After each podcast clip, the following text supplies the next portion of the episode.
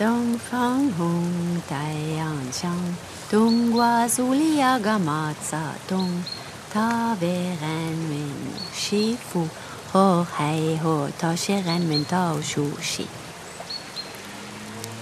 Regn, sølepytter og vann. Og høyblokker. Slik husker jeg barndommen min på Vestre Vadmyra utenfor Bergen på 70-tallet. Men det gjorde ingenting at det regnet. For snart kom moren min hjem fra majonesfabrikken, og hun hadde sett solen stige opp i det kommunistiske Kina. Hun hadde vært i landet til formann Mao og lært seg å synge på kinesisk. Og snart så ville folk forstå at vi trengte revolusjon i Norge også. Snart ville vi få oppleve sosialisme slik de hadde det i Kina.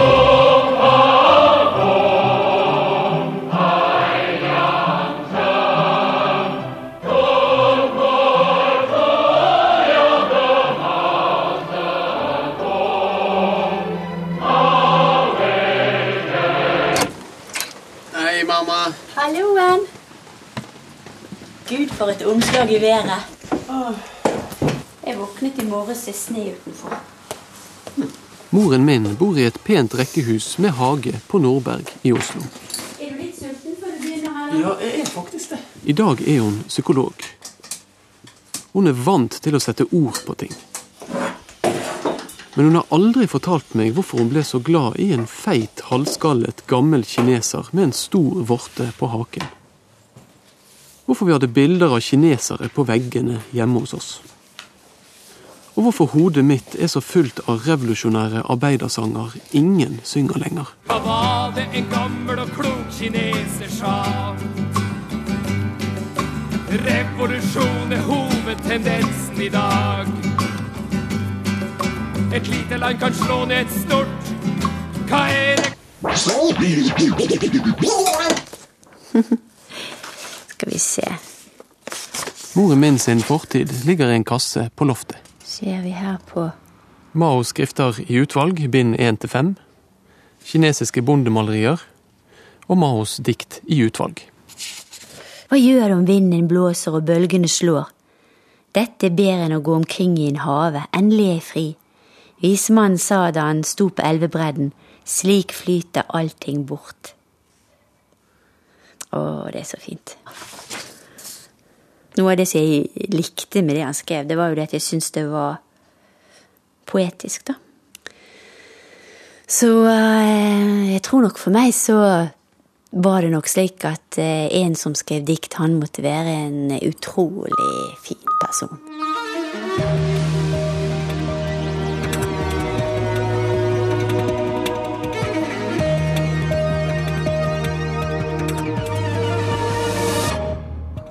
Hun hyllet massemordere og ville ha diktatur i Norge. Hadde moren min vært kjendis, så hadde hun kanskje fått vært med i en dokumentar på TV 2 for et par år siden. Gerhard Helskog sa at sånne som henne var moralsk ansvarlig for massemord i Kina og Kambodsja.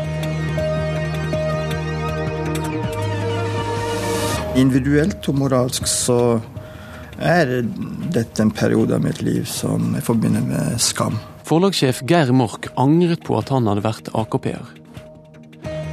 Mens daværende sosialminister Guri Ingebrigtsen angret ingenting. Anger er ikke min stil.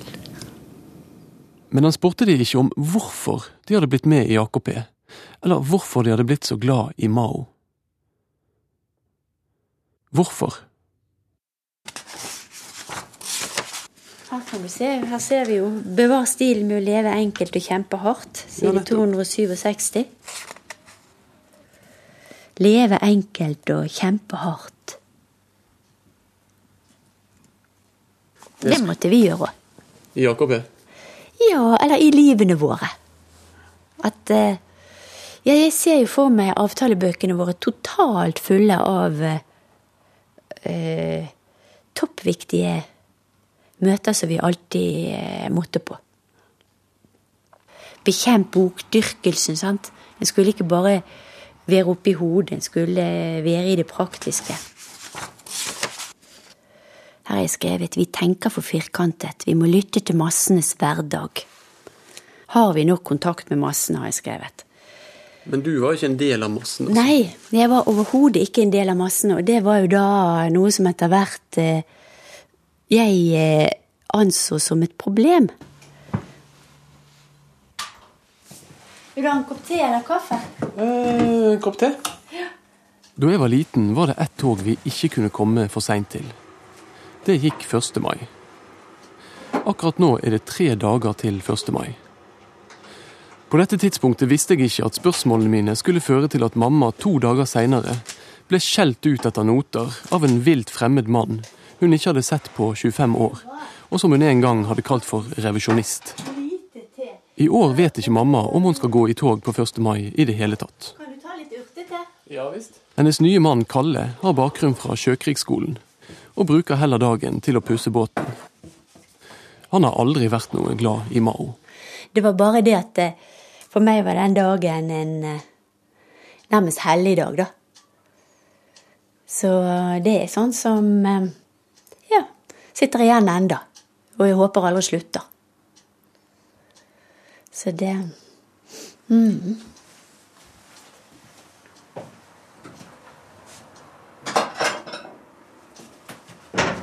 Så jeg husker I begynnelsen så reagerte jeg jo veldig på det at han hadde båter. Og altfor fin og stor båt. Så det kalte jeg for krigsskipet.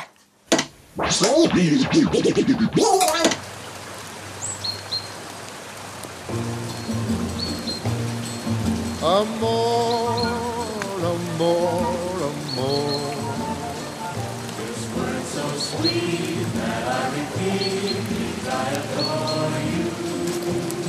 På Kalfaret, der moren min vokste opp, fantes det ingen kinesere. Ingen kommunister heller. Moren min hun var jo veldig glad i musikk. Og hun likte jo eh, italiensk, da. Så der var det mye musikk. Hun spilte, og hun likte å danse. Så der var det Ja, jeg husker hun spilte mye en som het Edmundo Ross.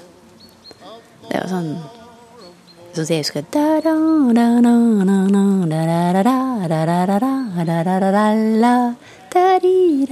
Sånne ting. Eller ja, også, og litt sånn likte hun noe sånn Besame, besame mucho. Sånne ting. Og Storhaugen var jo for oss et lite hus. Det var jo akkurat som et lite slott. Det hadde en sånn liten kuppel. Og, og Ja, nei, jeg syns det var utrolig fint. Alle som bodde der, hadde god råd. Så var det de som ikke hadde god råd, de bodde i no, eller ikke hadde så god råd. De bodde lenger nede. De bodde i noe som het Lappen. Så jeg hadde alltid en sånn blanding av dårlig samvittighet, litt sånn uh, redsel og, og ønske om å bli kjent med i forhold til de. Så de, de var faktisk eh, litt fremmed. Men det var en veldig letthet kan du si, når det gjaldt alt som hadde med økonomi og slikt å gjøre. Så det var ingen følelse av nødvendighet. Det ordet husker jeg tenkte relativt tidlig på det å være med i en nødvendig sammenheng. Altså det å, å virkelig være eh, i den delen av samfunnet hvor, hvor, ting var helt nødvendig at det skulle bli bedre. Det var ikke sånn at penger bare strømmet inn. Og det var noe med det som var veldig urettferdig. Eh, sånn at det lå i meg noe med å, å ønske, tror jeg, å, å bli en del av eh, arbeiderklassen, rett og slett.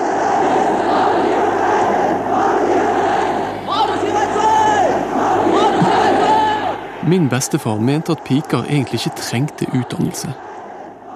Men i 1966 gikk moren min likevel på handelsgym for å bli sekretær.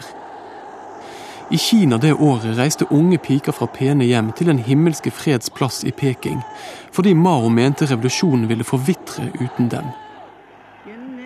På plassen hadde kommunistene både filmfolk og fotografer, som via nyhetsbyrået Det nye Kina spredte bildene av vakre, jublende kinesere til jevnaldrende i Paris, Berlin, Stockholm og i Bergen. Snart skal det henge malerier av de samme unge kineserne hjemme hos oss. Unge rødgardister, som skal sørge for at kommunismen i Kina ikke korrumperer slik den har gjort det i Sovjet. Snart skal mamma si opp abonnementet på Bergens Tidende og bestille Peking Review istedenfor.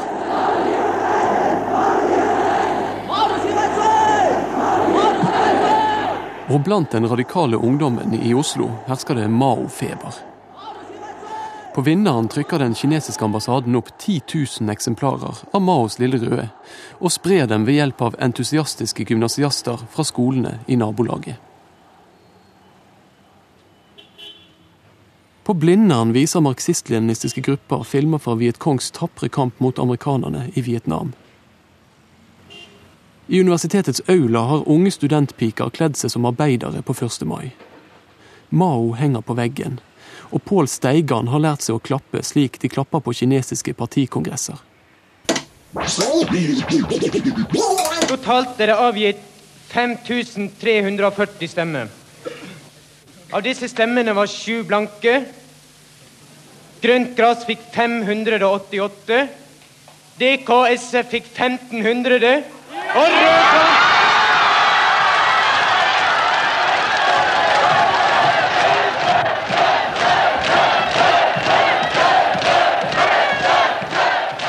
Da moren min var kommunist, hadde Rød Front makten i Studentersamfunnet. I 1969 er hun flyttet til Oslo og studerer psykologi. Og det jeg ser for meg nå, det er jo på selve Blindern. Altså, jeg var aldri den gangen sånn som var med i diskusjonene. Så Men jeg bare hørte på. Og, og ble mer og mer eh, begeistret, rett og slett. I 1970 får mamma barn med en ung revolusjonær forfatter.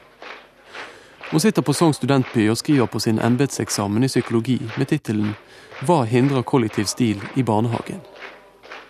Hun avslutter oppgaven med å si at sann kollektiv stil i barnehagen først kan bli realisert gjennom en sosialistisk revolusjon.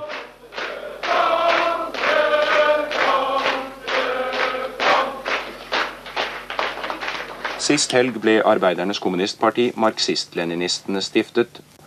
Sosialistisk Ungdomsforbund, SUF, er partiets ungdomsorganisasjon. 18.2.1973.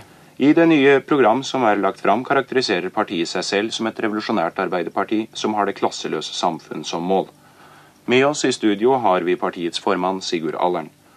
Dere kaller dere Arbeidernes Kommunistparti, men hva med tilslutningen fra arbeiderne? Har ikke partiet sitt utspring i universitetskretser? Jeg tror i dag vi kan si at vi iallfall har et uh, klart flertall i organisasjonen uh, av medlemmene i organisasjonen fra arbeiderklassen. Sigurd Allan er bare 23 år gammel. Fra arbeiderklubber og foreninger til at vi uh, mener vi er verdt navnet.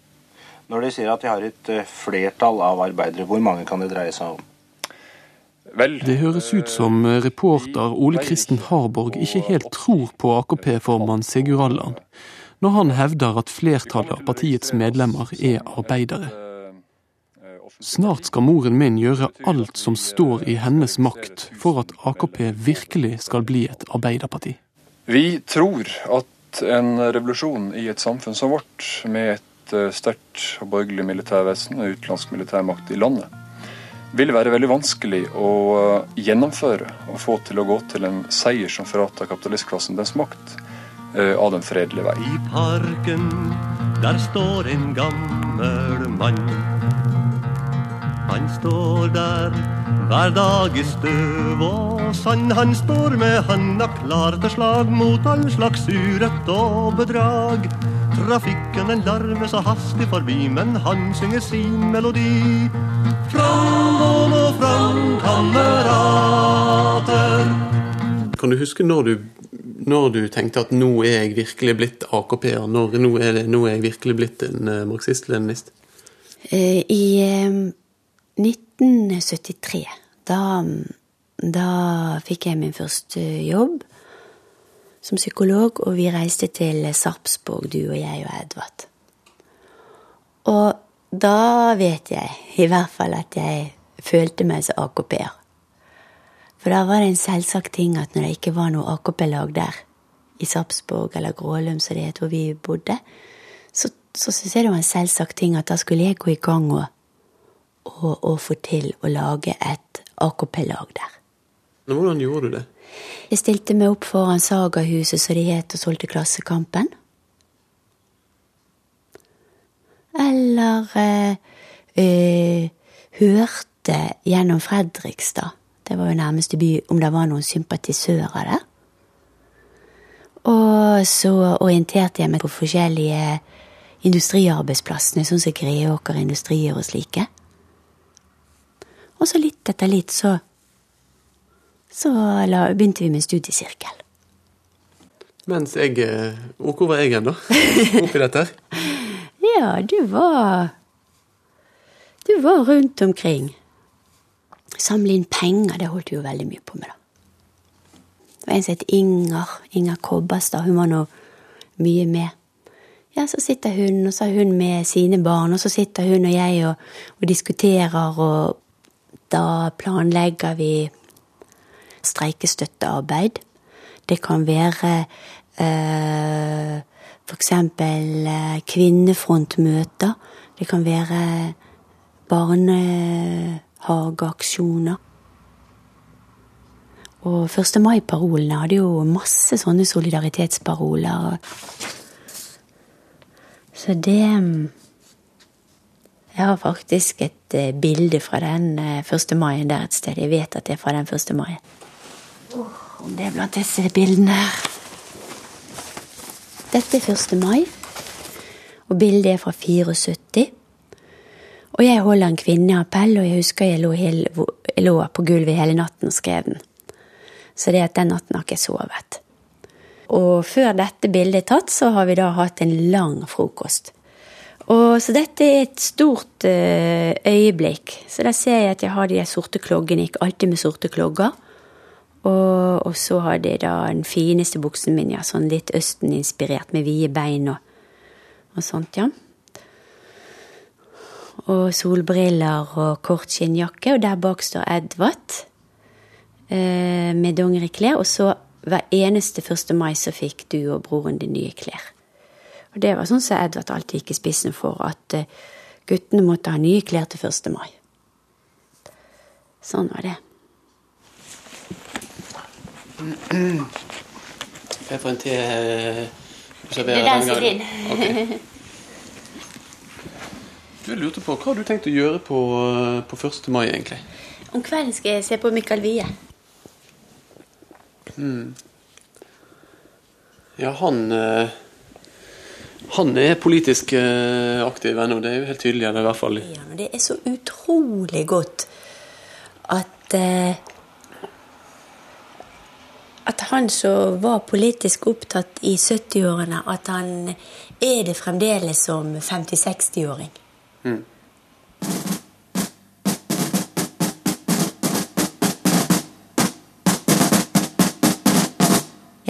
En som egentlig alltid vil bo i Bergen. Der hvor tjua guttene i gaten går.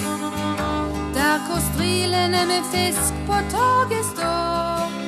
Da jeg var liten, så var spørsmålet om vi skulle flytte fra Sarpsborg til Bergen, et politisk spørsmål. At mamma alltid ville til Bergen, inneholdt en viktig motsigelse. Motsigelsen mellom et høyere politisk mål og et familiemål. Mamma og pappa leverte inn skriftlig søknad til Sarpsborg AKP om de kunne få lov til å flytte.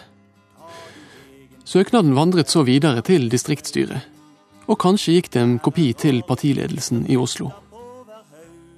På møtet i Sarpsborg sto mammaen min og kjempet for at jeg skulle få begynne på skolen i Bergen. Og omsider så ga kameratene i Sarpsborg etter.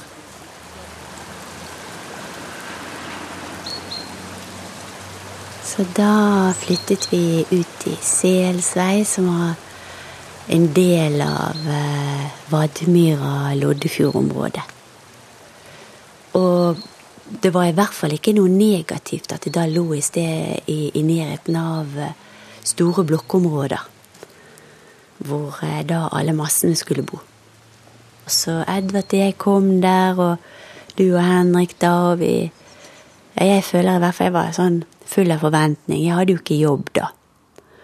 Og eh, var spent på Vi visste jo det selvfølgelig at eh, at det laget der hadde fått beskjed om at vi kom, så det at vi bare ventet jo på å få en lapp i postkassen. Og den kom jo ganske raskt. Hadde det med sikkerhetspolitikk og sånn å gjøre, eller? Kanskje det hadde med avlytting å gjøre, det kan godt være. For jeg tror vi tok som en selvfølge at vi ble avlyttet. Det ble mer sånn at vi da ikke snakket om politiske ting på telefon. Så det var jo en del av virkeligheten nå, dette med avlytting og, og yrkesforbud, for eksempel. Sånn at når jeg da etter en stund har vært i Bergen, så bestemte jeg jo meg for å proletarisere meg, som det het. Altså det å ta jobb da ikke som psykolog som jeg var utdannet til, men uh, i industrien. Jeg jobba på bedriftens kantine. Det var fryktelig varmt, det var min sommerjobb. Jeg skulle tjene noen ekstra penger. Ved siden av meg sto det et kvinnfolk. Anna fra Kløfta, vi svetta over dampende kjeler. Det var 40 grader varmt. Men hvorfor bestemte du deg for å politisere deg? Jeg ville det, rett og slett. Jeg ønsket å jobbe i industrien, og, og der kommer dette her eh, sitatet til meg som, som jeg tror at jeg hadde ganske langt eh, inne på cellenivå. Dette her med å svømme som en fisk blant massene. Jeg hadde levet et liv såpass eh, langt vekk ifra arbeiderklassen. Altså på en måte uten å ha vært der selv. Da jeg var liten, jobbet moren min på samlebåndet på Kavli sammen med en som het Solveig. Hun hadde på seg hvit kyse og hvitt forkle, og pakket majonestubene i kartonger. Mao skriver om nødvendigheten av å forandre seg sjøl fra innerst til ytterst. Mamma ville kle av seg all sin borgerlighet og bli ny. Og da var det jo selvfølgelig at jeg sa jo ikke fra om at jeg var AKP-er. Fordi da ville jeg jo ikke fått jobben. I begynnelsen så torde jo ikke jeg si noe, fordi jeg ble så veldig bevisst på at jeg sa jeg og meg. Så da var det jeg bestemte meg for at jeg måtte legge om språket. Og så hørte jeg etter for eksempel hvordan hun eh, Solveig snakket, og så skulle jeg øve meg på å snakke likt. Og så var det det at jeg hørte hun sa dokka, dokka. To ganger etter hverandre. Og da tenkte jeg at det der klarer jeg aldri. Det er bare ikke mulig. Og da tenkte jeg at herregud, hvordan skal dette her gå? Men til det gikk, litt etter litt, så uh, la jeg om. Og vi gikk ut og danset, da. Ja, det var veldig kjekt. Og, så det var noe med den eh, stemningen og de samtalene der og den derre tøysingen på de arbeidsplassene som jeg tror jeg trakk på til meg som trekkpapir. Jeg trengte det som person, følte jeg virkelig. Så der nøt jeg å være og gikk liksom fra sted til sted, og noen fortalte om hytten sin. Ja, og jeg fortalte gikk til formannen og spurte om jeg kunne dra til Kina. Kina, sa han. Hva skal du til Kina? Nei, det er nå en tur, og mannen min har nettopp vært der, og nå skal jeg få dra. Å, så drar jeg til Kina.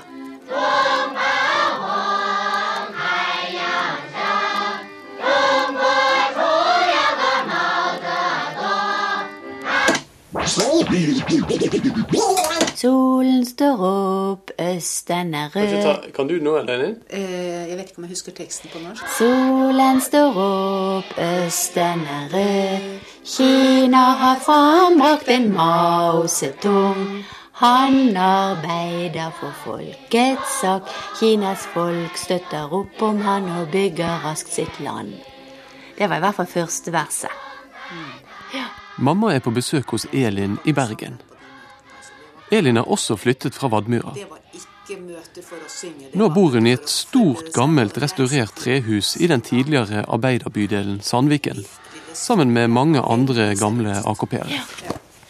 Det er bare min dagbok. Jeg har jo liksom bare sånne småkommentarer på akkurat Elin er et ordensmenneske. Hun har flere kasser med minner fra da hun og mamma reiste på tur til Kina våren 1978. Siden AKP-leder Pål Steigan møtte Mao personlig i 1970, har vennskapssambandet Norge-Kina tatt med seg hundrevis av norske AKP-ere og andre interesserte på besøk for å se på traktorfabrikker, barnehager, folkekommuner og demninger i det sosialistiske Kina. Fredag 17. mars. Peking.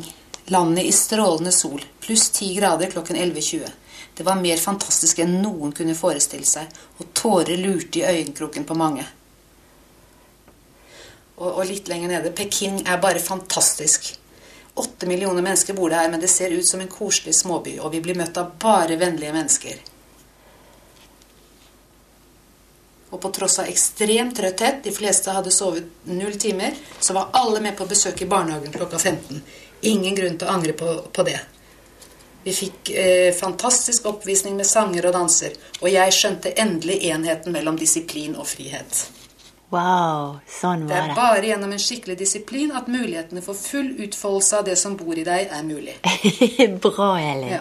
Samtidig så skjønte jeg at dette var Kina og ikke hjemme, for jeg fortsetter da med at jeg kunne aldri ha klart å gjennomføre noe lignende i min klasse. Det ville blitt kaos. Ja. Når, du, når dere kom til Kina, tenkte du da at, eh, at her, har vi, her har vi det samfunnet som vi skal få i Norge? Um, kanskje noe à det. Jeg tenkte at det vi ser her, det er altså da Jeg vet ikke om jeg tenkte kommunismen eller veien til det rettferdige samfunn. Så enten om det var det at de bare hadde hakker, eller det at de syklet, eller dette at de gjorde gymnastikk på gatene Alt ble sett på i et eh, litt magisk forelskelsens eh, lys, må jeg si. Og dette at alle var likt kledd, det kunne jeg nok lovprise nok hvor lurt jeg syns det var. Istedenfor at eh, vi skulle bruke tid og penger på å være kledd forskjellig. Det var jo så midt i blinken, altså. Så dette her er jo i 78, og det er jo rett før alle motforestillingene kommer. Der har vi et eh, gruppebilde av hele gruppa. Og der var det kaldt. Det var kjempekaldt. Vi frøs, og samtidig var det jo veldig stort å være der, da. Men jeg har jo et, gruppe, et bilde. Og der var revolusjonistene. Ja. Herregud. Elin har også tatt bilde av dem som ikke var AKP-ere på turen. SV-ere og radikale Arbeiderpartifolk. I Oslo har sentralkomiteen i AKP for lengst utropt revisjonister, altså folk som tror på en fredelig overgang til sosialismen, til hovedfienden. Og det var vel de fem som ikke sto helt på den rette linja, og så stilte litt vanskelige spørsmål. Det det har jeg. skrevet et sted i dagboken min, at kineserne var veldig tålmodige med norske revisjonister, skrev jeg. Stemningen mellom de og oss andre var ikke så veldig god. Og de mente vel også at deres både spørsmål og, og innspill ble, ble undertrykt. Av oss, altså av resten, på en måte. Med, med selvfølgelig reiselederen i spissen, som var AKP-er. Jeg lurer på hvordan det var å være de. Ja.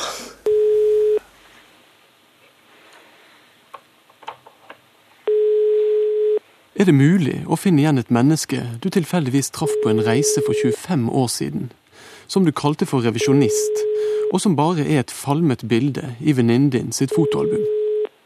Ja, hei, du har kommet til Jan Myhrs telefonsvarer.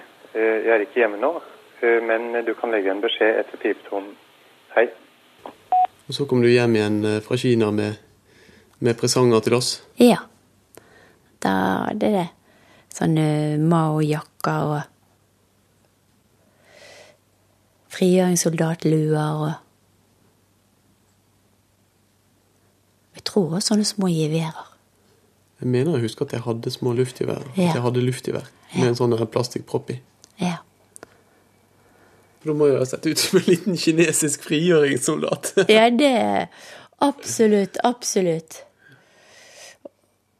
Og hvis eh, Full med masse eh, revolusjonære arbeidersanger innabords. Det er akkurat det. Som jeg hadde lært på Pionerene. Ja, ja. Så da var det kompatriot, organisering og, og disse sangene. Ørnene flyg, Ja. mobilisering. Ja. Det er nettopp den, ja. Jo, side 36. Det var Henrik som likte den spesielt godt, da. Husker Edvard sangen til han. Men der passer jo den sangen der godt. Kompatriot, organisering, ørnene stig. Mobilisering, høgt opp til fjells, samler vi flokken. Stolte ørn, marsjpartisan. Den sang vi. Den Dere kan jo ikke ha forstått et eneste ord. Men her har jo du òg noe varme i hver verner om reiret. Nå når jeg er pasifist. I tiden etter kineturen, det husker jeg jo mest når jeg var på jobben, da. Ja, og da husker jeg jo alle som eh, ropte på meg og skulle ha meg til å fortelle hvordan det hadde vært i Kina, og, og eh, kalte meg for Mao. Mao, Mao. Du, hvordan var det i Kina? Nå må dere komme og høre. Hun forteller om Kina. Vet dere hva? De har hakke der, og de har spade der. Og var det sant, Mao? Hadde de sykler der også? Nei, det er noe fantastisk med denne revolusjonen. Sånn holdt de på. Jeg måtte jo eh, fortelle det jeg kunne, og jeg måtte jo gi det videre til de som da skulle eh, være selve kraften i dette. Det var jo de, det. Jeg skulle jo bare få til at de skulle kjempe denne kampen.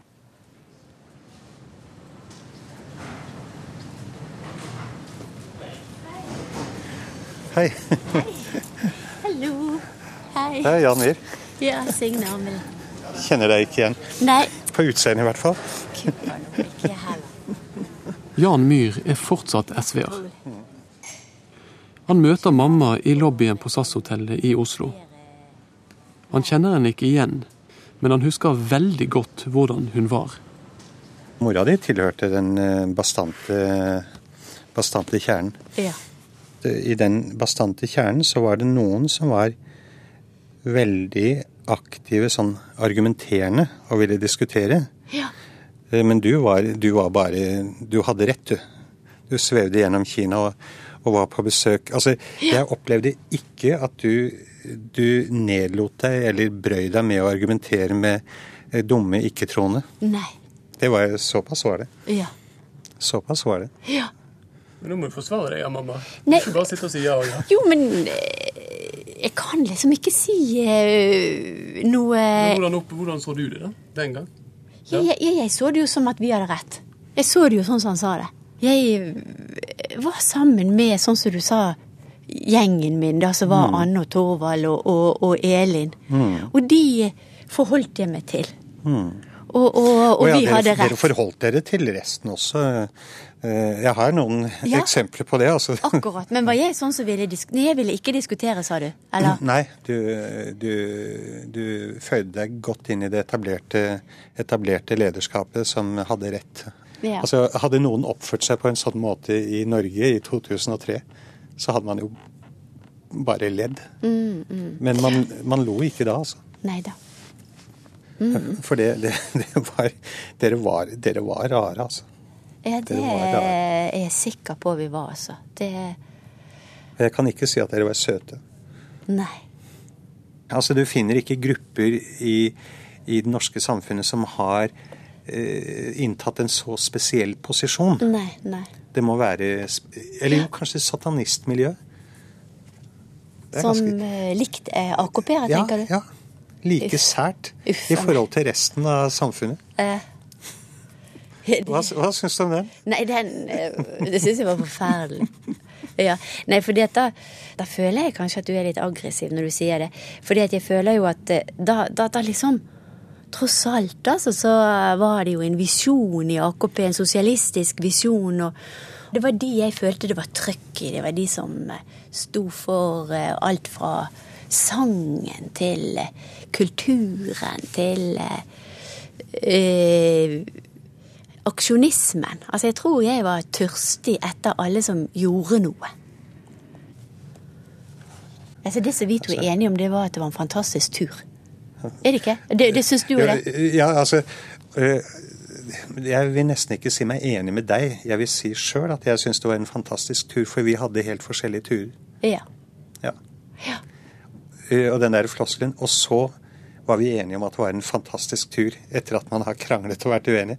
Ja. Altså, det var litt sånn eh, Du var på én tur, og jeg var på en annen tur. Ja, akkurat. Tror jeg. Jeg, jeg betraktet jo Vi var og så på pandaer i bur, og uh, vi så jo på ML-ere ML-ere på nært hold også. Norske maoisters liksom, eh, nærhet til det som skjedde i Kina. Altså, Pål Steigan besøkte eh, Mao Zedong. Altså, det er helt vanvittig.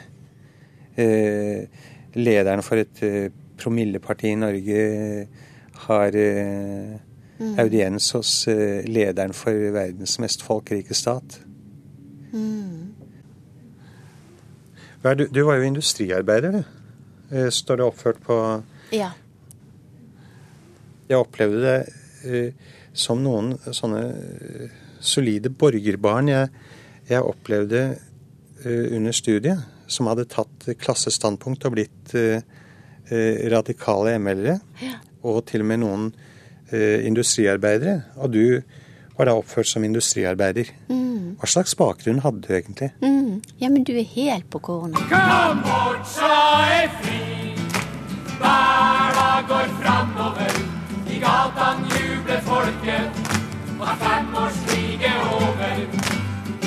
En lurer på hva som hadde skjedd om mamma ikke hadde fått historien imot seg.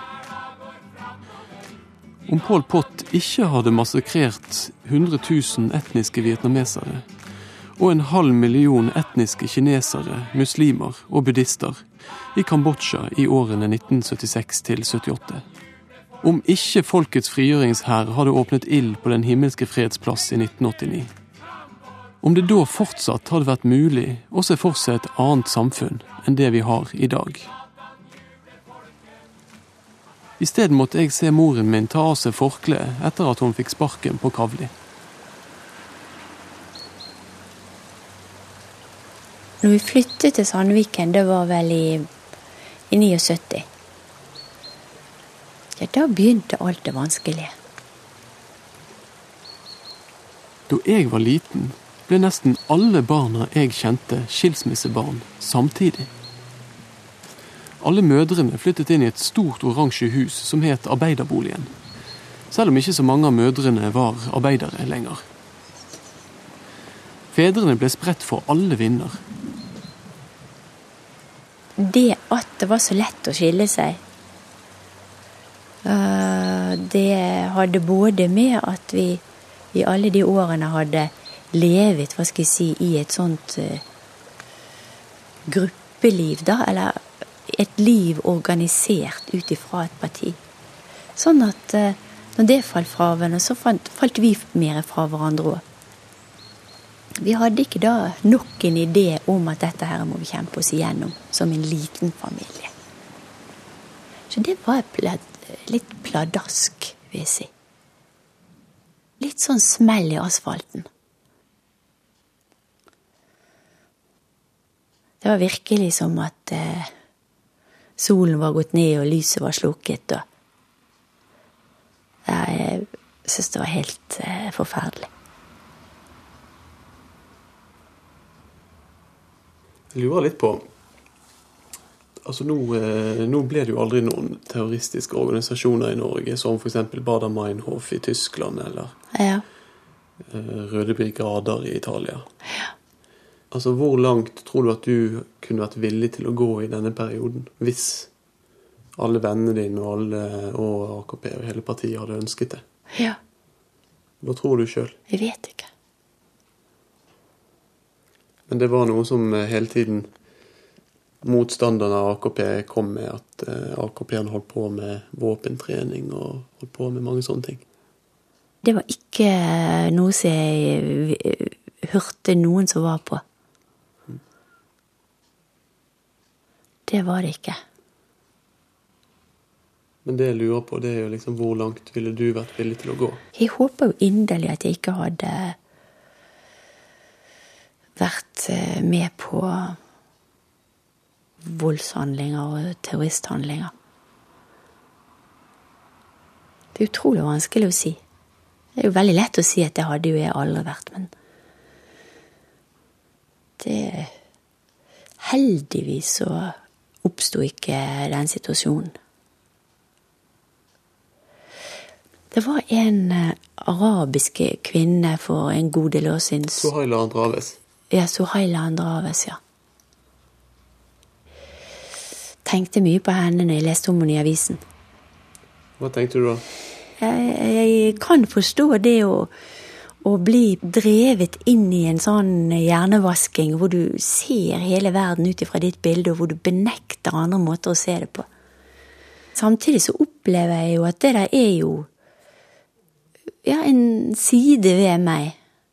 Dette med å bli eh, begeistret og gå litt ensidig inn for noe.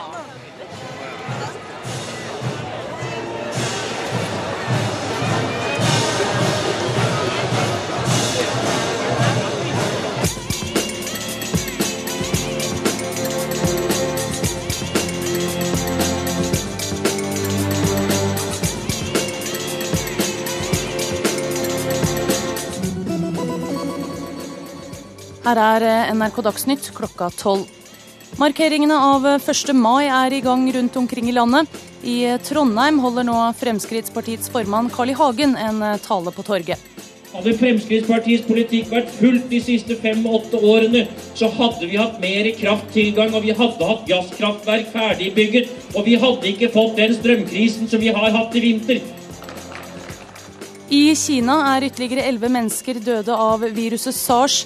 187 nye er smittet av sykdommen, det sier helsemyndighetene i landet. Ja, ikke sant? De der fagforeningsfagene og så korpset. Det var liksom det i mange år så øh, ødela det litt.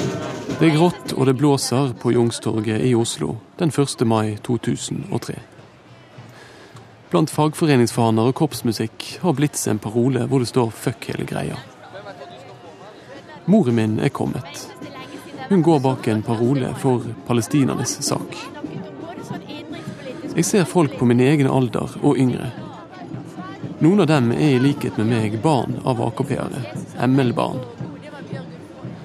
Jeg lurer på om de i likhet med meg lurer på hvilke sanger vi skal synge for våre barn. Jeg merker På den ene siden så tror jeg at jeg er, at jeg er misunnelig på den utopiske måten å leve livet på. Mm, mm. Med tanke på at verden skal kunne forandre seg fullstendig.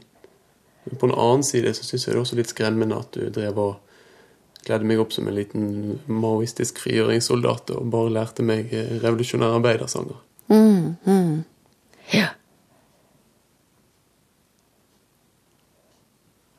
Ikke bare. Nei, men det var, ellers, da. Ja, det, vi sang sånn som så Blåmann og Fola Blakken og Ok, da, men jeg husker best eh, de revolusjonære arbeidersangene. Gjør det? Ja. Ja, Det er de jeg kan flest av. Ja, det er ikke rart.